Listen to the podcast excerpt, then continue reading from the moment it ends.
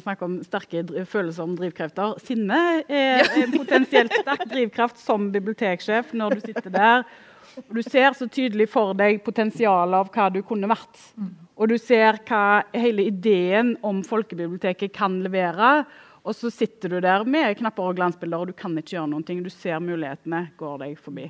Mm. Da, er det, da er sinne for meg en sterk drivkraft for å gå ut og for å, å, snakke oss opp for å få til de måte, kampanjene og den oppmerksomheten som trengs. Da.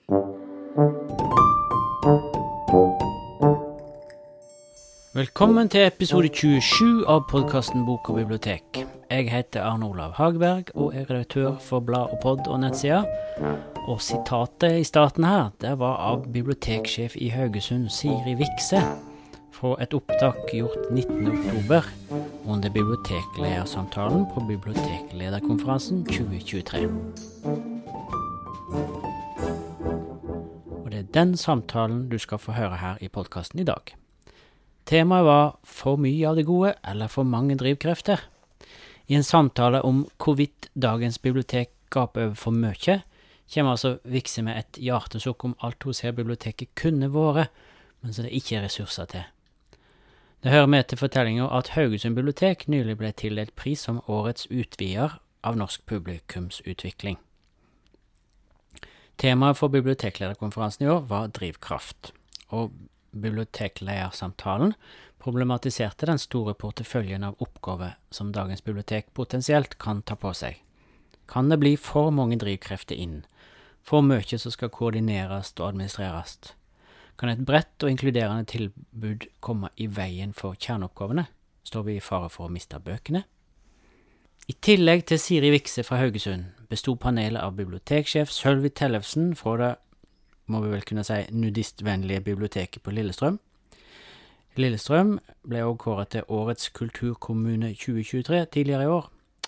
Og så var Henriette Stoltz med, hun er fra Skien, en av to andre kommuner som var nominert til Årets kulturkommune sammen med Lillestrøm. Stoltz sitter òg i eh, Nasjonalbiblioteket sitt strategiske råd, og er biblioteksjef i byen som nærmer seg innspurten på et digert løft, med å få på plass nytt bibliotek og masse annet fram mot feiring av den ikke ubetydelige skiensgutten Henrik Ibsen sitt 200-årsjubileum i 2028. Sammen med samtaleleder og tidligere biblioteksjef ved Stormen bibliotek i Bodø, Trud Berg, deler de tre både smarte økonomitriks og råd om hvordan en kan navigere klokt i kommunale system, og mye mer. Trud Berg jobber forresten i dag i lakseoppdrettsbransjen i et firma som heter Nova Sea, og det er litt viktig å få med seg for at jeg skal skjønne et par av kommentarene som skjer underveis i samtalen. Men da står det bare igjen å si god lytting. Årets biblioteksamtale handler jo da om for mye av det gode eller for mange drivkrefter. Henriette, Skien bibliotek, kan du si litt om deg sjøl og biblioteket ditt? Det kan jeg gjøre. Uh, Henriette Stoltsæter jeg. Har vært biblioteksjef i Skien i snart ti år, faktisk. Vi er et uh, bibliotek som ligner på alle deres bibliotek. Jeg tror vi gjør veldig mye av det samme hver dag, alle sammen. Det som er spesielt hos oss, er at vi er inne i en fase hvor vi skal bygge nytt. Det har noen av dere også gjort før. Det skal noen av dere gjøre etter oss. Eh, det som er spesielt med det, er jo at noen av dere tenker har ikke vi hørt om det ganske lenge nå? Eh, jo, det har dere. Første vedtaket hos oss kom i 1997 om at vi trenger nytt folkebibliotek. At lokalene våre er utdaterte. Og i familien min på Vestlandet i Bergen så får jeg ikke lenger lov å snakke om det. De sier vi ikke hører mer før det er ferdig. Henriette. Så det er der vi står nå. Vi skal ut i midlertidighet i to-tre år. Flytte ut av dagens bibliotek og flytte inn igjen i nytt. Det er en spennende reise, og det krever eh, mye drivkrefter fra oss alle som er involvert. Politikk, administrasjon og ikke minst de ansatte. Siri mm. Haugesund. Ja. Jeg heter Siri Vikse, og jeg har vært biblioteksjef i Haugesund i nå vel to og et halvt år. Uh, og Haugesund er òg et bibliotek som alle andre, vil jeg tro, med en kommune med rett i underkant av 38 000 innbyggere.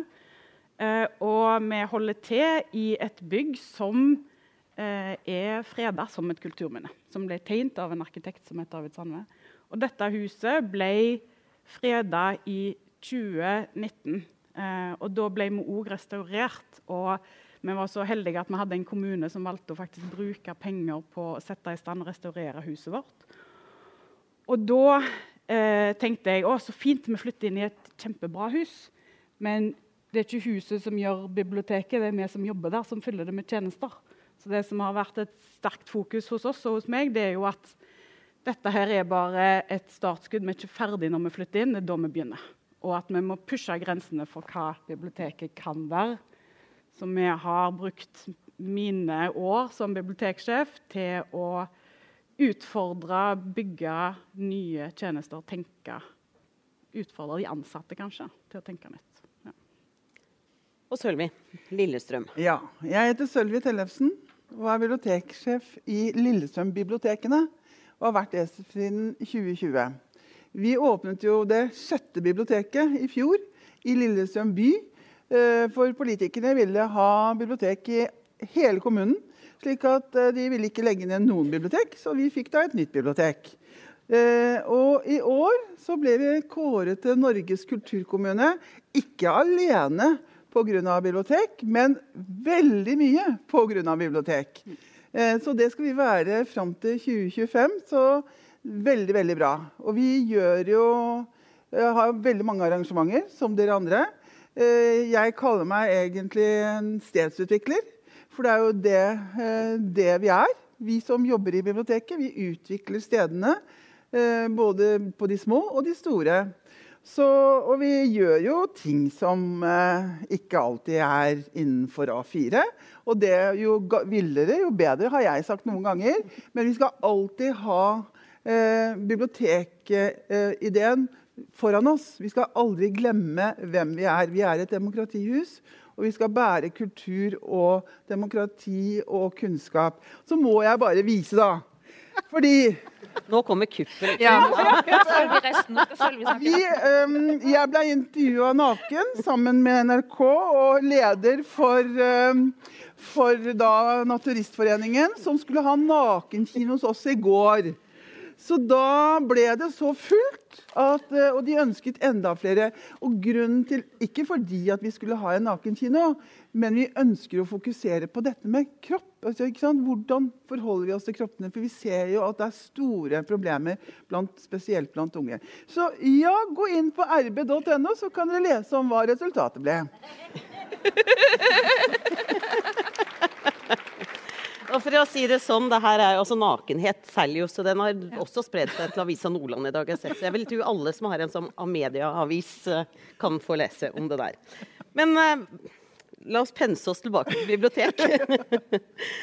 For mye av det gode, eller for mange drivkrefter, er det for mange ulike tilbud i biblioteket i dag? Kan du begynne? Det spørs jo hvordan biblioteket er rigga. Eh, vi er opptatt av at vi ikke skal være et eh, sirkus, men at vi skal på en måte tyngde demokrati og deltakelse og eh, arrangementer i biblioteket. Altså, Så det å vi, vi, er med i et prosjekt som i forhold til utlån av uh, verktøy. Men uh, jeg tenker at det kan det være for noen bibliotek. Siri? Ja, nei, det er jo eh, Det kjedelige svaret er jo på en måte at alle lokalbibliotek svarer til lokale forhold. Eh, så hva som er rett for meg, er ikke det samme som er rett for Sølvi. Men når det er sagt, så har jeg sagt nei til ganske mange, eller vært litt sånn derre Om ikke restriktiv, så har jeg sagt at jeg vil ikke eh, ha eh, sånne makerspace og 3D-maskiner og sånn hos meg. Fordi jeg vil ikke at mine ansatte skal bruke eh, så mye av sin tid og arbeidskraft på å vedlikeholde maskiner som egentlig ikke har noen ting med bibliotekdrift å gjøre. sånn som jeg ser det. Mm. Og den eh, tenker jeg at jeg vil heller at vi skal ha fullt fokus på å faktisk levere sykt gode tjenester i det som faktisk er faget vårt og det vi kan. Ja. Mm. Hvor går grensa? Henriette, har du noen tanker rundt det? Nei, det syns jeg er vanskelig, fordi at det kjedelige svaret er også det rette svaret. Lokal kontekst, lokalt tilbud. Hva har vi rundt oss som vi skal både samspille med og eventuelt fylle ut der hvor det mangler? Det er så ulikt. Og det er klart det blir jo for mye hvis alle tenker de skal gjøre alt. Hvis alle skal liksom ta hele salatbuffeen av mulige ting man kan gjøre i biblioteket, og måke på. Eh, så jeg syns det kjedelige svaret er det rette svaret. Og så handler det jo om å være bevisst i forhold til hva man da velger å gjøre og ikke gjøre. Hvordan man prioriterer med de ressursene man har, å få til noe som fungerer lokalt der man er. Så at i eh, Storbritannia nå så var det noen biblioteker som, eh, som låner ut blodtrykksmålere. Uh, og så tenkte jeg ja, det er jo et helt åpenbart samarbeid som de gjør sammen med hva heter de, NHS. ikke sant? Uh, og det kan godt hende at det har en verdi, at det har en funksjon i de lokalsamfunnene som de gjør det. Jeg føler ikke noe kjempebehov for å rekke opp hånden og være første bibliotek i Norge som gjør det samme.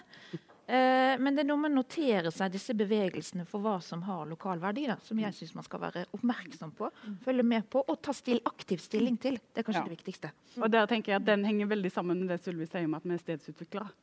At det Vi gjør, vi må ha fingeren på pulsen og vite hva som skjer i lokalmiljøet rundt oss. for Hvis vi ikke er klar over det, så klarer vi heller ikke svare på de kravene, de tilbudene som, som lokalmiljøet rundt oss trenger. Så kanskje de trenger en eh, eh, power-drill en dag. Og kanskje det er rett at det er det du skal gjøre da. Eh, et annet sted så vil det være helt feil. Eh, så du kan ikke si at ja eller nei, det skal vi. eller ja. Mm. Jeg tenker også at det som For å følge opp det som de sier, er, er jo det å knytte til seg næringslivet på det stedet. Slik at de som da kan dette med drill og fiskebåt og jeg vet ikke hva, at de kan være med på et opplegg for å låne ut. At, eh, og det er jo det som den, eh, det forskningsprosjektet vi er sammen med bl.a. Drammen, eh, Upscale, hvor vi da eh, går sammen med Jernia for å låne ut eh, driller der. Da. Slik at det er de som kan det. Biblioteket kan noe helt annet. De kan ikke verken motorsag eh, eller, eh, eller drill. Hvordan bruke en, kanskje bruke en drill, kanskje. Men eh, ja. Så det, jeg tenker, det å, det å bruke lokalt næringsliv og koble det, tror jeg er kjempeviktig. Ja, for det blir jo litt utfordrende hvis det er bibliotekarene som på en måte er gode på bøker og gode på det som hører bibliotekfaget til, også skal sørge for at drillen funker, liksom. Og jeg tenker også at det er å på en måte kaste vrak på den kompetansen som de som er på Jernia, da, for å si det sånn. Eller du skal låne ut hva det måtte være. For det er klart at en eh, bibliotekar, bibliotekansatt, de er gode på eh, litteratur. Og så er de som eh, skal drive en kafé, for du har jo også de bibliotekene som drive, skal også drive kafé. Men de som kan drive kaffebar, de er gode på det. Og så skal vi heller jobbe sammen og ikke eh, på en måte overta hverandres. Og så Du må ha selvtillit nok i den kjernen som ligger i, i det bibliotekene alltid skal og har vært og skal være. Jeg vet ikke om Har noen av dere sett den eh, dokumentaren på Netflix om David Beckham? Mm. Eh, jeg er ikke fotballinteressert. Jeg skjønte jeg hadde en ting til felles med Victoria Beckham. at Jeg ser bare fotball hvis jeg kjenner noen på banen som spiller. Eh, men det slo meg jo at alt det rare og gale som liksom skjer i den fotballverdenen, og som rammer inn den delen Du kommer liksom ikke utenom at det fins en kjerne der. Og det er en bane, det er spillere, det er mål og det er en ball. Og jeg mener at Den selvtilliten i biblioteksektoren skal vi også ha. Det fins en kjerne der. Og jeg er ikke redd for at eh, Jeg sa jo når vi hadde en samtale her forleden dag, at liksom, en flytevest velter ikke en boksamling. Eh, det er en kjerne der. Så kan det godt hende vi kan diskutere hva som er med i den kjernen. Ikke alltid. Men eh, vi skal være trygge på at den kjernen den er der, og den består. altså. Eh, og det vi ser er jo, sånn som eh, Sølvi var inne på her, det å slippe til andre i biblioteket. Og vi er jo ganske gode på å, eh, å la andre få lov til å arrangere ting hos oss og gjøre ting hos oss. Eh, det å slippe kontrollen og si at nei, det er noen andre enn vi som skal skape innholdet. Hva slags tanker gjør dere dere rundt det? Begynn med deg, kanskje, Selmi. Ja, Jeg tenker Det er kjempeviktig. Og eh, altså vi forvalter Biblioteket forvalter en eh, offentlig arena. Og det torget, eller det som også som ble sagt fra Rodeo i går, at biblioteket er, kan også tenkes som en park. Slik at eh, det å la andre være med, få inn andre næringsliv, offentlige, andre organisasjoner, frivillighet, eller enkeltmennesker for den saks skyld, Eh, Det er kjempeviktig, fordi vi har faktisk en arv å ivareta, nemlig det offentlige og det åpne. Og det er altså ingen steder i Norge som er, har en så altså som er den åpne torget, parken, hvor det er ikke noen krav til det. Så det er kjempeviktig at vi er tør å åpne. Og slippe litt taket. For det syns jeg av og til, som jeg sier eh, i Lillestrøm slipp, La oss slippe taket. Det er, eh, det er, veldig mange bra folk der ute. Siri? Ja, nei, jeg tror den rollen som måtte, fasilitator òg er viktig for eh, biblioteket som demokratiinstitusjon. For hvis vi skal være den som produserer alt innholdet på vår scene, så er det én stemme som blir hørt. Mm. Hvis du ikke fasiliterer for å slippe andre stemmer til, så er du ikke Du utnytter ikke potensialet ditt som en demokratiinstitusjon hvis du ikke lar andre snakke på din scene. Og vi har den muligheten, vi har det potensialet. Vi er kanskje den offentlige kulturhuset eller institusjonen som kan gjøre dette i størst grad. Og da tenker jeg det er òg en del av vårt samfunnsansvar å gjøre det. Mm. Så nå må vi langt vi tør å gå. da. Jeg var på en konferanse i Bergen i fjor høst. Uh, og Da hadde vi bl.a. en workshop med en danske fra Odense bibliotek. Og det er selvfølgelig eh, Library Takeover, for det er jo sånn danskene bruker sånne begreper. Og hvor, hvor, mye tør du å gi slipp, da, som du sier, Sølvi? Eh, tør du å gi fra deg hele bibliotekrommet til noen andre som programmerer, som lager, og eier det rommet?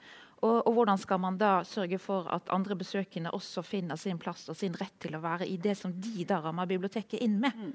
Det var en interessant samtale med de som var med rundt det bordet. For det, der var noen pip åpne, og andre var eh, mer tilbakeholdne i å tenke at det i hele tatt lot seg kombinere. Og da er vi jo tilbake til eh, det som også ble nevnt i går, hva ligger i det redaktøransvaret, mm. og hvordan forvaltes det også i å forstå de fysiske lokalene og bruken av det. Så det var en, eh, Jeg slår et slag for workshop, ja. Det har jeg gjort en del i det siste. Det var en spennende workshop.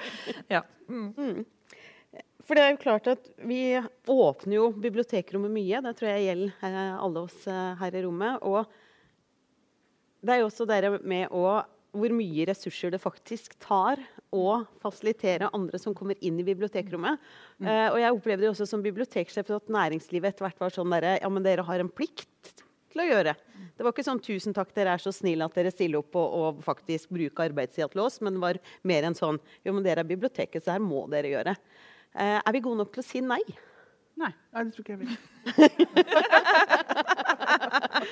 Men hva sier vi nei til, da? Altså, hva har vi klart å si nei til? Altså, jeg tror at, altså, for å si det sånn, Tjenerskapet er vel avskaffet på 1800-tallet i Norge, er det ikke det? Eller noe sånt? Det, og det å, det å, si nei, vet du hva, det gjør vi ikke. Flott at dere er her, men da må dere ta det. Og det gjør vi tydelig i Lillestrøm. Flott, men da må dere også ta den rollen og være og Sette opp stoler eller hva det måtte være. Eh, ikke sant? Og det er kjempeviktig. Vi må tørre å si nei. Mm. Hva har du sagt nei til, da? Har du sagt nei? Nå er ikke jeg et nei-menneske, da. Men, det er vanskelig å ikke tenke nakenkino nå. Jeg prøver. Men jeg har sagt nei til at vi skal stå på pinner for, uh, for andre som skal ha arrangementer. Det har jeg sagt nei til. Ja. Henriette, klarer du å si nei?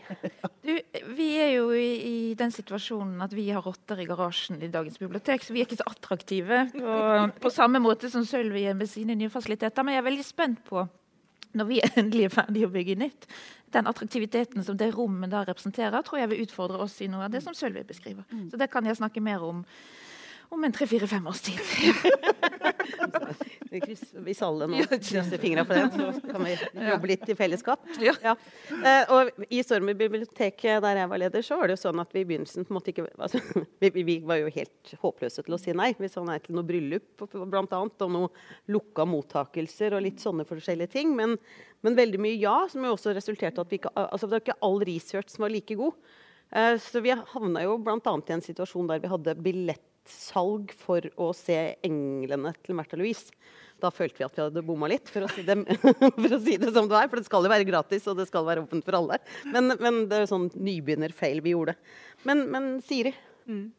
klarer du å si nei? Eh, eh, veldig dårlig på det.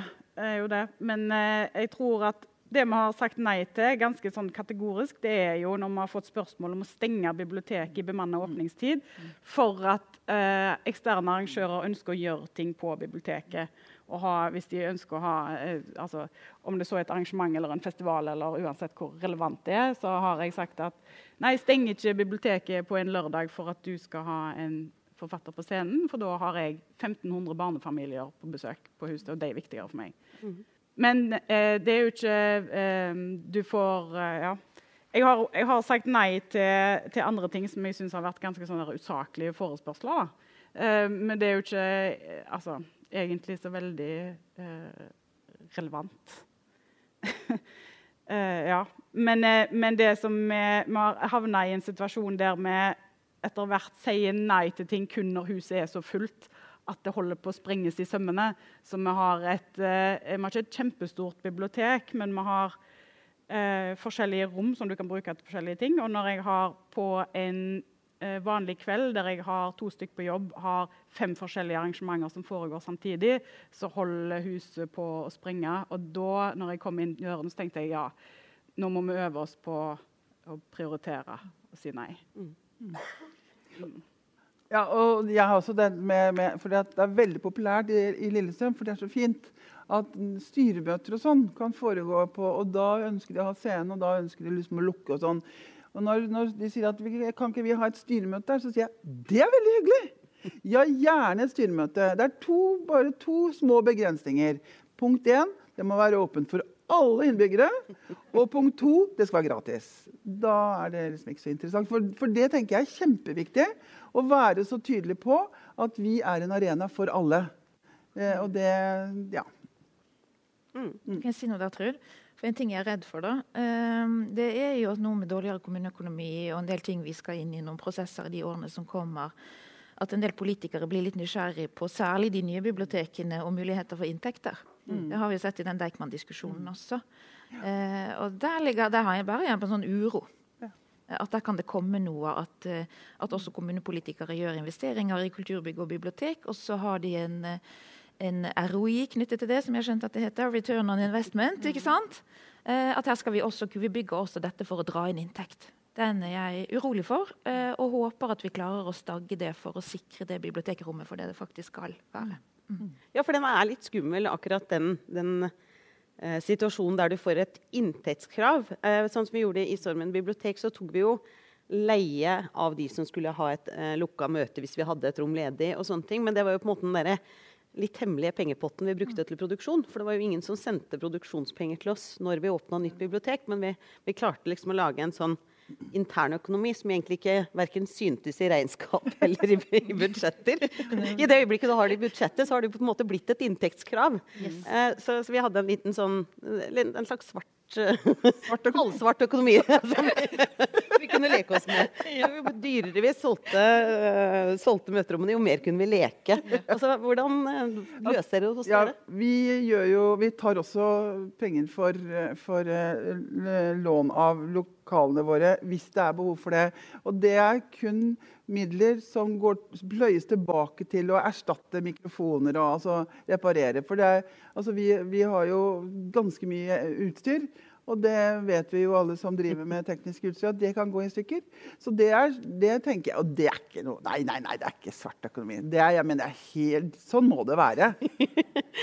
ja, da for all del. Bare vi, vi, klarte å holde det unna budsjettet. Ja, jo, at det liksom er litt sånn at I det øyeblikket du har fått det i budsjettet, og ikke får inn like mye som er budsjettert, mm. så, så jo, da, da, har du jo plutselig fått et inntektskrav ja. uten at du egentlig var klar over at det var det du fikk. Så det er et lite sånn tips. Sørg for at de ikke inn i budsjettet de inntektene dere får fra Løy det tilbake igjen til utgift på drift. Ja, ja noe sånt. Ja. ja, for du går fremdeles i pluss. Ja, men Det er mange fine måter. Bare ring. Hvis du, eh, Siri, hvordan eh, har, eh, jeg har vært ganske sånn manisk på at jeg vil ikke ta betalt. Verken for at noen skal ha arrangementer hos meg, eller å låne møterom eller noe.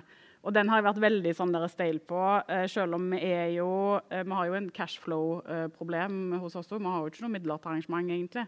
Så alt vi gjør, finansieres jo på Altså med sirkustriks og ja eksternt omsøkte penger. Men, så det er jo klart det er et inntjeningspotensial der. Men jeg har liksom vært veldig på den at for at det skal være for alle, for at til og med eh, de svakeste gruppene i samfunnet skal kunne sette opp noe på min scene, eh, og de som ikke har kompetanse på lyd og lys eller kan ta teknikk sjøl, skal ha muligheten til å bruke biblioteket som sin scene sitt rom, så besørger vi det. Så når jeg har arrangementer på biblioteket, så har jeg alltid en ansatt på jobb eh, som jeg på en måte betaler for da, i hermetegn, for at eksterne kan få lov til å, å produsere innhold.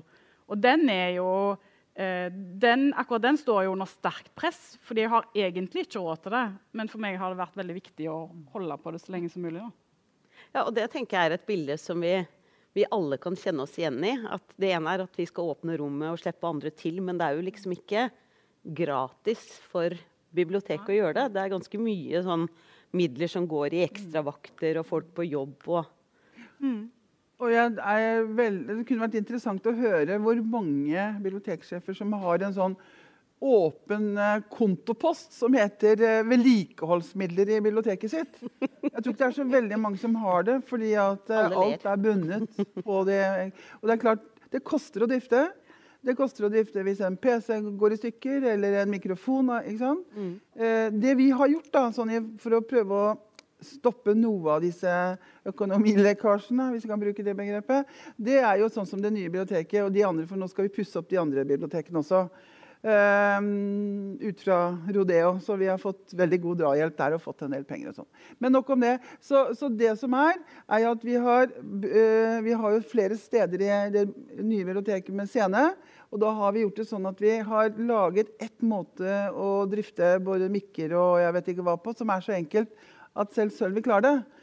Og det tar ti minutter å lære, og det er likt overalt. Så, så der, og da ser vi at da er problemet litt mindre i forhold til at noen begynner å bøye og tøye. Og, øh, ja. Så det, det, det, kan jo være tips til nye. Apropos når dere skal holde på. ja, og den knappe og glansbildeøkonomien som vi alltid snakker om, den er ekstremt krevende. Øh, og I går så var det liksom at en drivkraft kan også være øh, skyld eller skam. Og jeg føler jo på skyld for at i Skien kommune nå så kommer jo vi til å spise av investeringsbudsjettet og alle mulige driftskostnader som følger av det, betyr at det skjer jo ingenting på kulturfronten i Skien i liksom 10-15 år etterpå det. Eh, og hvordan skal, du, hvordan skal, du, løse det været med å bidra? Så nå er jeg frikjøpt for å koordinere alle innsparingsprosjektene i Skien kommune. Vi skal spare 80-100 millioner. Så da kan jeg være med på å finne de pengene. Det er jo skyld som driver meg i den retningen. Og så kan jeg være trygg på at vi får på plass det biblioteket med de driftsmidlene som det trengs litt sånn krevende skyldøvelse å gå gjennom. Men uh, det betyr at vi sikrer også fra den siden. Da. For det må til. altså. Mm. Det er så skrekk og gru å sitte og, og skulle drifte et bygg som er underfinansiert på drift fra start. Ja. Ja. Mm. Kjenner det grøsser når jeg tenker på det. Mm. mm. Ja. Nei, den er jo, Vi snakker om sterke følelser om drivkrefter. Sinne er, er potensielt sterk drivkraft som biblioteksjef når du sitter der og du ser så tydelig for deg potensialet av hva du kunne vært. Mm. Og du ser hva hele ideen om folkebiblioteket kan levere. Og så sitter du der med knapper og glansbilder, og du kan ikke gjøre noen ting. Du ser mulighetene går deg forbi. Mm. Da, er det, da er sinne for meg en sterk drivkraft for å gå ut og for å, å snakke oss opp, for å få til de måte, kampanjene og den oppmerksomheten som trengs. Mm. Ja, nei, det, tror jeg, det er vel sikkert mange som kjenner seg igjen i den. Men, eh, ja. Absolutt. Men hva tenker du, eh, Henriette, da, du som på en måte skal åpne denne nye. Hvordan skal du klare å sikre at du ikke blir spist opp? Eh, jeg tror jeg bare skal tåle å gjøre alle de både interessante, gøye, spennende og ikke minst rare tingene som må til for at dette skal bli en realitet. Jeg har liksom ligget i buskene på Kistefoss og sett Abid Raja være i ferd med å passere. og Bokstavelig talt, heldigvis det var en kollega av meg som torde å gjøre det. Hoppe ut med liksom skisseprosjektet. For vi skulle også ha statlig finansiering til en del av denne satsingen vår i Skien. Eh, jeg har stått Eh, utenfor og forhandlet meg sammen med en tidligere ordfører fra Høyre via liksom Først var det en vakt, så var det lokalpoliti, så var det PST. Og jammen så kom vi liksom ikke helt i berøring med Erna til slutt. da. Eh, og når du gjør disse øvelsene, så ser du deg selv litt utenfor og tenker hva var det dette som var jobben min? på en måte? Å ligge i buskene på Kistefoss og angripe stakkars Abid Raja. Men eh, jeg ser jo at det må til, og så skjønner jeg i ettertid når jeg har gjort noen av disse øvelsene, at det er jo en, en spennende reise. Mm. Uh, og reise litt sånn klisjébegrep. Men det er interessant, og vi gjør det jo fordi at det er noe viktig og bra vi skal få til. Så uh, foreløpig ikke helt utslitt av det, men litt utmattet av å snakke om det. For som jeg sa innledningsvis, jeg syns jeg snakker om det hele tiden, og det tar jo aldri slutt. det blir liksom aldri ferdig. Skal klare det. Mm. Ja, altså, og bare for å følge opp det som Henriette sier. altså Det, det å eh, bruke medie, altså media, altså Romerikes Blad eller eh, hva det måtte være, og, og, og være, front, snakk, være rundt som biblioteksjef, snakke til næringslivet, eh, snakke til politikerne. Selv om noen sier at de ikke skal gjøre det, så snakker du til folk som du treffer. Du sier jo hei. Jeg mener, eh, Det gjør man jo. Så det å, det å vise seg hele tiden ute det tror jeg på en måte er kjempeviktig. Eh, og det er da jeg liksom sier at da er biblioteksjefen en byutvikler, en stedsutvikler. Og så, så får man sjefe litt på bakrommet hvis man har lyst. da. Men det er ikke nødvendig heller, kanskje. Men, men det, å, det, å, det, å, rett og slett eh, være ute blant eh, der som penga sitter, for å si det veldig enkelt, da, det er den eneste måten vi kanskje klarer å lykkes. Bruk, og hvis man da også er et mindre bibliotek, for det er kanskje lettere for de større enn de mindre, så det vet ikke jeg, men da er det å bruke andre. Ikke sant? For ja, det er også lurt. Men den, altså, implementer biblioteket som en del av noe større. Ja. Når du er biblioteksjef, Hvis det eneste du bryr deg om det som skjer innenfor dine egne fire vegger, så vil du aldri få til så veldig mye mer. For, så du må ut, og du må eh, snakke om biblioteket i en større kontekst. Sant? At den identiteten den må være en del av hele byen, ikke bare det som skjer innenfor huset. Helt riktig. ja. Eh, og det er jo også igjen kanskje litt tilbake til den der økonomibiten. Uh, igjen tilbake til Stormen bibliotek. Vi skulle jo ha et visst antall arrangementer hvert år, men vi hadde jo ikke noen annonsekroner. Redaksjonell omtale er bra. Ja. Ring en journalist. Ja, Ja. Ja, og nå når kulturjournalistikken eh, Jens Kiel er jo et hederlig unntak, men den er jo liksom på vei ned. Eh, vi skriver jo bokstavelig talt artiklene våre selv. Ja. Så sender vi forslag til eh, lokale redaksjoner, og så kommer det på trykk omtrent sånn som vi skrev det. Da kommer det iallfall på trykk. Jeg blir jo ikke veldig stolt på vegne av liksom journalistiske integriteten i dette, men eh, det er Ja, men det er ikke vårt ansvar, er det Nei, det er andre sitt, det er andre sitt redaktøransvar. Ja. ikke vårt. Ja. Så klarer vi vårt på en måte på Ja. eget vis. Ja. Men den er jo det, eh, og vi er jo en situasjon som eh, Vi har heller ikke noen kulturredaksjon i vår lokalavis. De har òg uttalt at de egentlig ikke skriver om kultur lenger, for de gir ikke klikk. Så tjener ingen penger på det. Så det å skrive om bibliotek det lønner seg ikke. Så hvis jeg skal ha redaksjonell omtale av bibliotek, så må jeg få det til å handle om noe annet enn bibliotek. Og Derin kommer de eksterne samarbeidspartnerne. Sant? At vi har veldig mange inne på biblioteket som gjør ting som kanskje egentlig ikke handler om bibliotek. Men de får oppmerksomhet. Så via de så får jeg mye sånn derre eh, pass, passiv mediedekning. Kalles det det? Ja. Eh, og, det, og det her er jo liksom Vi er jo midt i kjernen og liksom drivkrefter, og hvordan eh, eh, vi som biblioteksjefer på en måte drar det ganske langt da, for å, å løfte biblioteket lokalt og, og, og få det til å være blest rundt det. Men, men er det sånn at vi kan miste boka av syne? Altså, vi, jeg var jo med på åpningen av et helt nytt bibliotek i en ny by med det trøkket det var på det. Og sånne ting, og etter et par år så måtte vi rett og slett gå liksom litt tilbake og si vi må, vi må Vi kalte vel for 'ta boka tilbake'. ble liksom en del av den strategi år tre i Sormed bibliotek. For at det ble så mye annet. Og vi skulle reparere mikrofoner, og vi skulle på en måte ha åpne dører. Og vi stabla stoler til den store gullmedalje. Mister vi boka litt? Altså, Detter vi ut av kjernen? Eller er dere, er dere flinkere enn jeg klarte å være, da, for å si det litt mer Jeg tenker at eh, det kan fort skje. Eh, hvis man eh, på en måte For det blir jo en bølge, eller tsunami i verste fall, som kan ta helt av. Eh, det, og så, så det å ha hele tiden en diskusjon eh, i bibliotek, i kultur, i, i, i lokalsamfunnet på hva er biblioteket. ikke sant? Det å, det å bety en forskjell. Eh, og så er det veldig mange måter. Så jeg tenker ja, det kan man. Hvis man fortsetter på den tsunamien og forsvinner av gårde. Men eh, nei, det, hvis man da tør å ta hele tiden den diskusjonen opp, da. Med, ikke bare med andre, men også med seg selv som bibliotekleder. Fordi du har et ansvar. Altså Jeg føler at jeg har et ansvar for hele Lillestrøm kommune. Jeg synes det er veldig flott jeg, å få lov til å ha det ansvaret. Men det er jo et stort ansvar. Eh, så, så ja, mm, absolutt.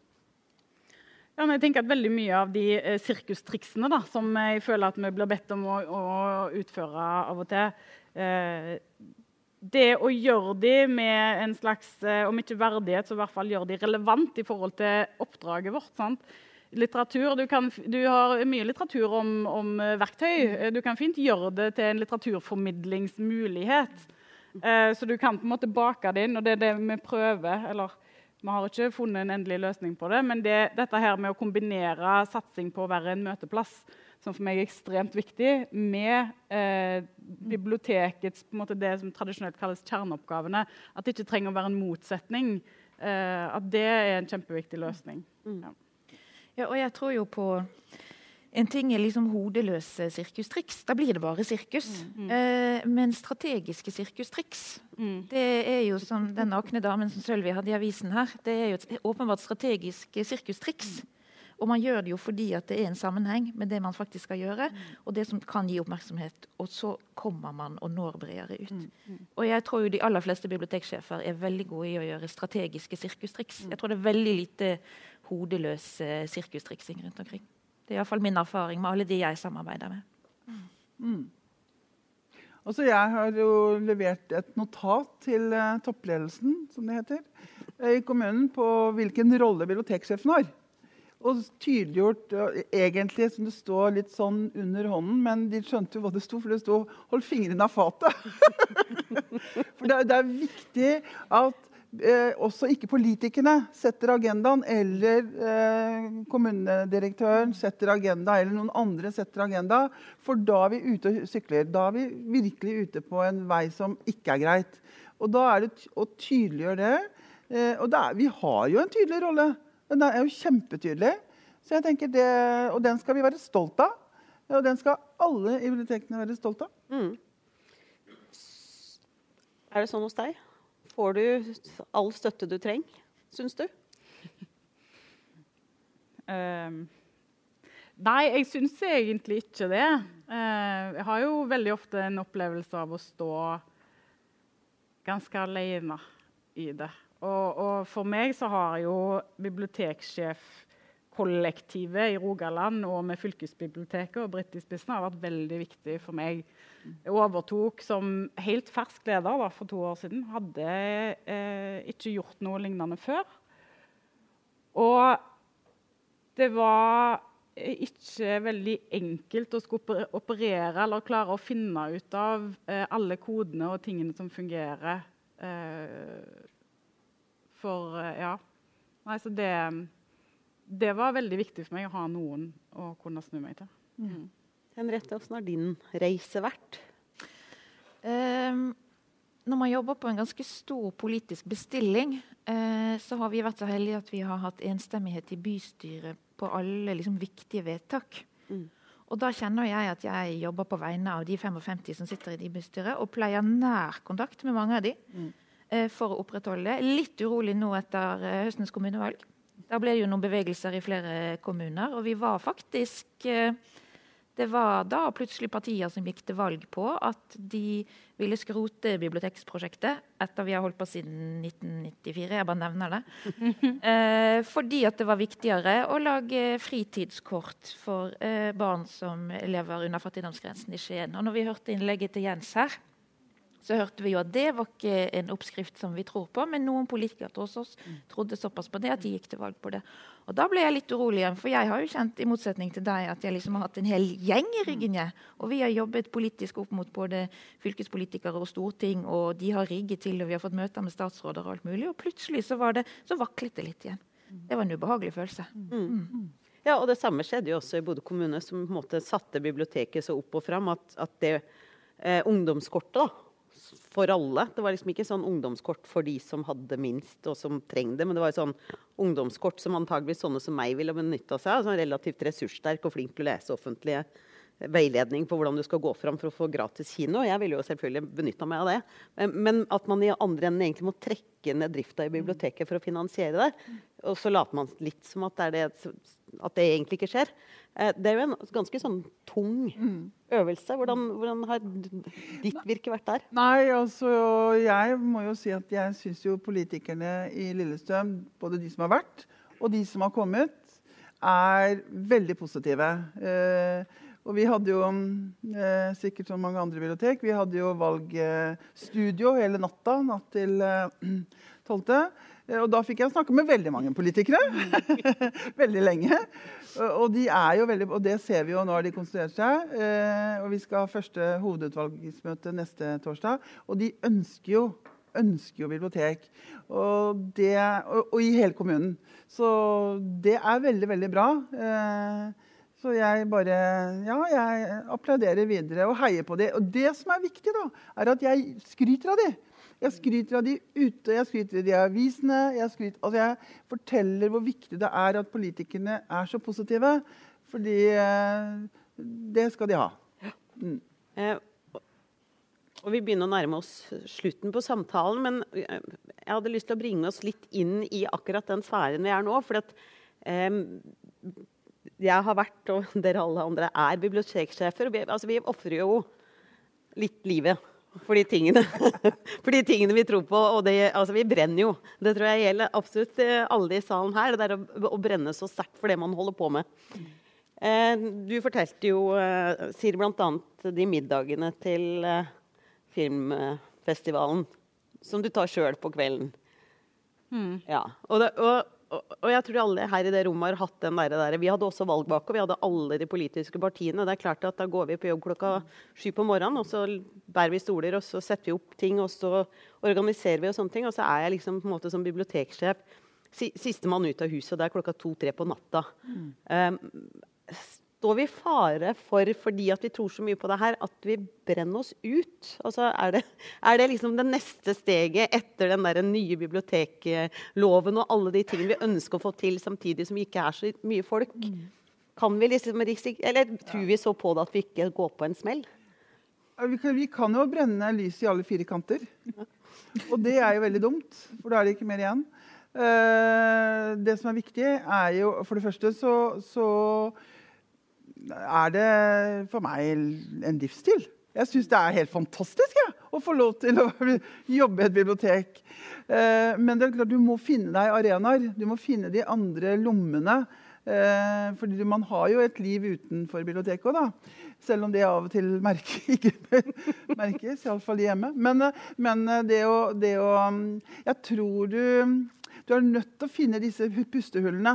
Hvis ikke du gjør det, og det gjelder jo alle lederstillinger. Og så er det jo bare sånn at å være en leder i, som biblioteksjef, så er det jo i en organisasjon alle er jo det i en organisasjon, hvor du blir pressa alle fire steder. Unnenfra, sidenifra, ovenifra og på kryss og tvers. Og utenifra, ikke minst.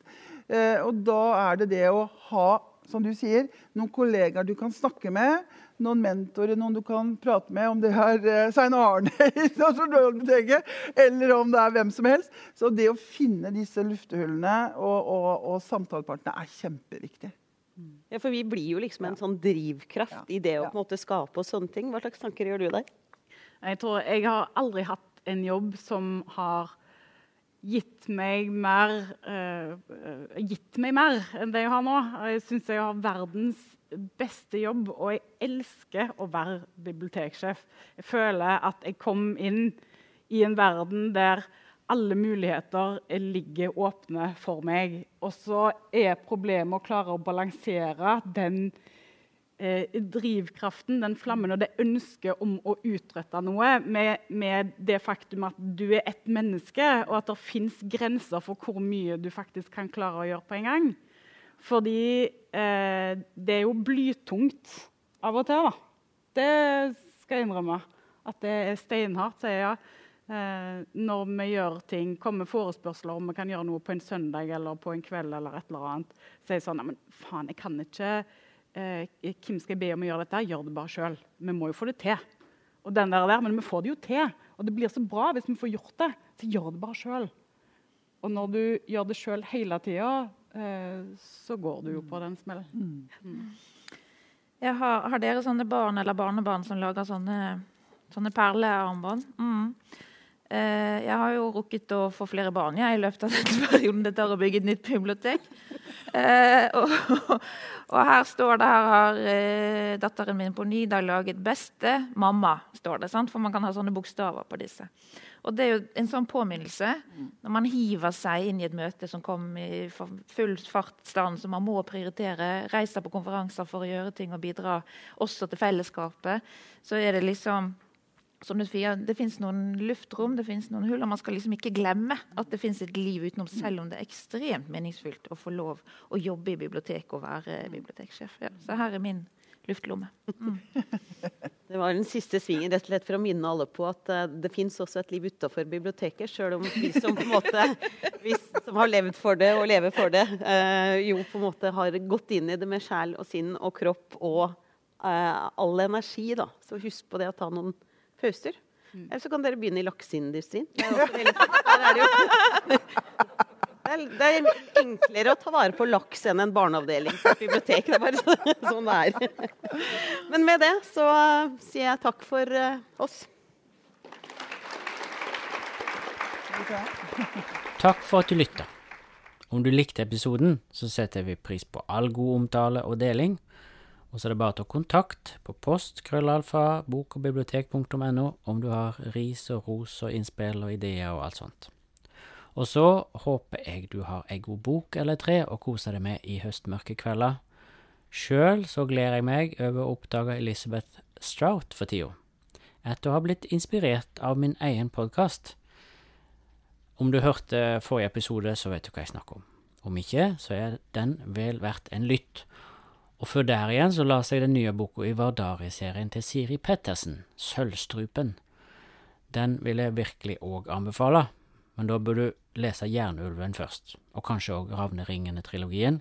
Først av alt, ja, det kan bli opp til deg. Men du kan òg høre eh, mitt intervju med Siri Pettersen i Forfatteren og favoritten-podkasten, som eh, kom ut eh, for et par år siden, men fremdeles er relevant. Uansett, ønsker jeg deg alt godt til neste gang vi høres her. Ha det bra.